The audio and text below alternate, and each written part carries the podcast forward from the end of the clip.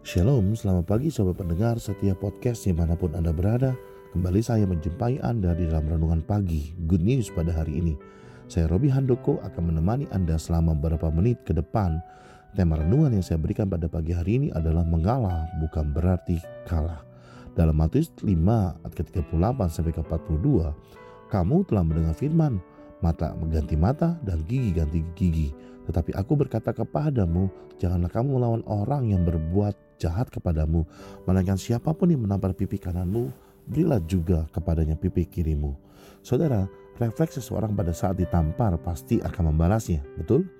Baik dengan menampar kembali atau juga membalasnya dengan kata-kata. Yesus berkata, Siapa pun yang menampar pipi kananmu, berilah juga kepadanya pipi kirimu. Tetapi pada saat Yesus ditampar oleh seorang penjaga, waktu dia sedang menghadap imam besar, Yesus tidak diam dan memberikan pipi kirinya, tetapi membalasnya dengan berkata, Jikalau kataku itu salah, tunjukkanlah salahnya. Tetapi jikalau kataku itu benar, mengapakah engkau menampar aku dalam Yohanes 18 dan 2 23? Apabila kita renungkan kembali, maka ucapan dan tindakan Yesus sangat bertolak belakang. Yesus memang tidak membalas penjaga tersebut dengan tamparan, tetapi Yesus juga tidak diam, namun dia membalasnya dengan kata-kata. Untuk itulah kita harus mengetahui terlebih dahulu tentang makna dari memberi pipi kiri. Di Israel pada zaman itu perselisihan antara dua orang sering kali dilakukan di depan umum. Seseorang boleh memaki lawannya cara habis-habisan di depan umum dalam gaya bahasa Yahudi, itu disebut menampar pipi. Setelah itu lawannya mempunyai hak untuk membalas dengan mencaci maki pula. Dalam bahasa bahasa Yahudi yaitu disebut membalas menampar. Pada zaman itu juga ada kebiasaan dalam hal-hal pinjam meminjam barang. Jika kita meminjam sesuatu dari seseorang, maka orang tersebut berhak untuk meminta jaminan. Misalnya, sehelai baju kita sendiri, apabila kita lalai memberikan jamu, jaminan, kita dapat melaporkannya loh saudara dapat melaporkannya kepada pihak yang berwajib ada pula kebiasaan masyarakat Israel pada zaman itu dalam hal membantu orang asing. Apabila ada orang yang menanyakan suatu daerah, maka kita wajib untuk menunjukkan jalan dan mengantar dia sejauh satu mil dan selama perjalanan kita bertanggung jawab atas keselamatan orang asing itu. Jadi sebenarnya ketika makna tersebut adalah tentang merelakan hak kita untuk dapat digunakan orang lain, mungkin pada saat kita merelakan hak tersebut, kita terlihat kalah dari orang itu. Sedangkan orang itu menang dari kita. Tetapi tindakan itu sebenarnya bukan suatu kekalahan, tetapi suatu tindakan mengalah. Kalah itu berarti tidak menang, sedangkan mengalah itu berarti dengan sengaja kalah atau tidak mempertahankan hak yang seharusnya menjadi miliknya.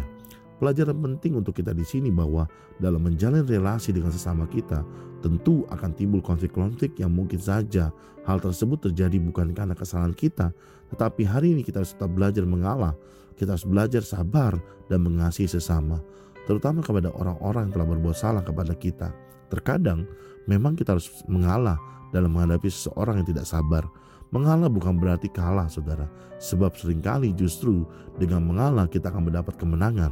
Keberanian tidak bisa diukur dari pembalasan, tetapi dari mengalah. Dunia saat ini dipenuhi dengan orang-orang yang maunya menang sendiri dan tak mau mengalah, karena mereka berprinsip bahwa mengalah adalah hal yang memalukan, tanda tak mampu. Mereka berkata, kalau kita mengalah, kita akan diremehkan, disepelekan, dan direndahkan oleh orang lain. Mengalah bukan berarti kalah, tapi mengacu kepada satu sikap yang mau merendahkan diri. Sebaliknya, tindakan tidak mau mengalah atau nggak mau dikalahkan, menunjukkan sikap mementingkan diri sendiri atau egois. Banyak kegagalan yang terjadi baik dalam kehidupan keluarga, rumah tangga, atau dalam pekerjaan Tuhan. Ketika masing-masing individu tak mau mengalah, mengedepankan ego sendiri, akhirnya terjadi silang pendapat, cekcok, perselisihan, dan pertengkaran. Saudara, menjadi pengikut Kristus memang tidak gampang karena kita menjadi seperti orang bodoh yang tidak boleh melakukan tindakan yang apa? Yang dapat membuat orang lain sakit hati.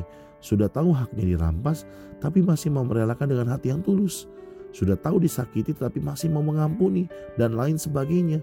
Firman Tuhan mengajarkan kepada umatnya bahwa apabila kita menjadi marah, janganlah kita berbuat dosa, janganlah mati ter terbenam sebelum padam amarah itu dalam Efesus 4:26. Artinya kita boleh menjadi marah tetapi jangan sampai marah itu membuat orang lain terluka, baik hatinya maupun tubuh jasmaninya dengan cara-cara yang tidak benar. Firman Tuhan juga mengingatkan kita agar membuang segala bentuk marah, geram, kejahatan, fitnah, dan kata-kata kotor yang keluar dari mulut. Dengan kata lain, ketika orang lain menyakiti hati kita, ketika orang lain merampas hak kita, dan lain sebagainya, kita diminta untuk mengalah. Mengalah yang dimaksud memiliki pengertian aktif yaitu mau memberi pengampunan, mau memberi maaf, mau berdamai satu sama lain yang tujuannya hanya satu yaitu agar kita menjadi menang karena hal itulah yang diinginkan oleh Tuhan. Kalau terjadi perselisihan, terjadi kekacauan, terjadi permusuhan dan lain sebagainya akibat sakit hati, marah dan lain sebagainya, maka kita adalah orang-orang yang kalah dan itulah yang diinginkan oleh iblis saudara. Jadi kalau begitu siapa dong yang akan membela kita kalau bukan diri kita sendiri yang bertindak? Jawabnya adalah Tuhanlah yang akan membela kita. Karena dengan tindakan kita yang demikian, yaitu mau mengalah, berarti dia ada di pihak kita. Dan kalau Tuhan sudah di pihak kita, siapakah yang akan menjadi lawan kita? Oleh karena itu saudara, mari mengalah untuk menang. Seseorang dapat dikatakan berani bukan dilihat dari bagaimana ia membalas, tapi bagaimana ia mengalah. Demikian renungan pada pagi hari ini. Tuhan memberkati saudara semua dan sampai jumpa dengan renungan-renungan dari hamba-hamba Tuhan lainnya.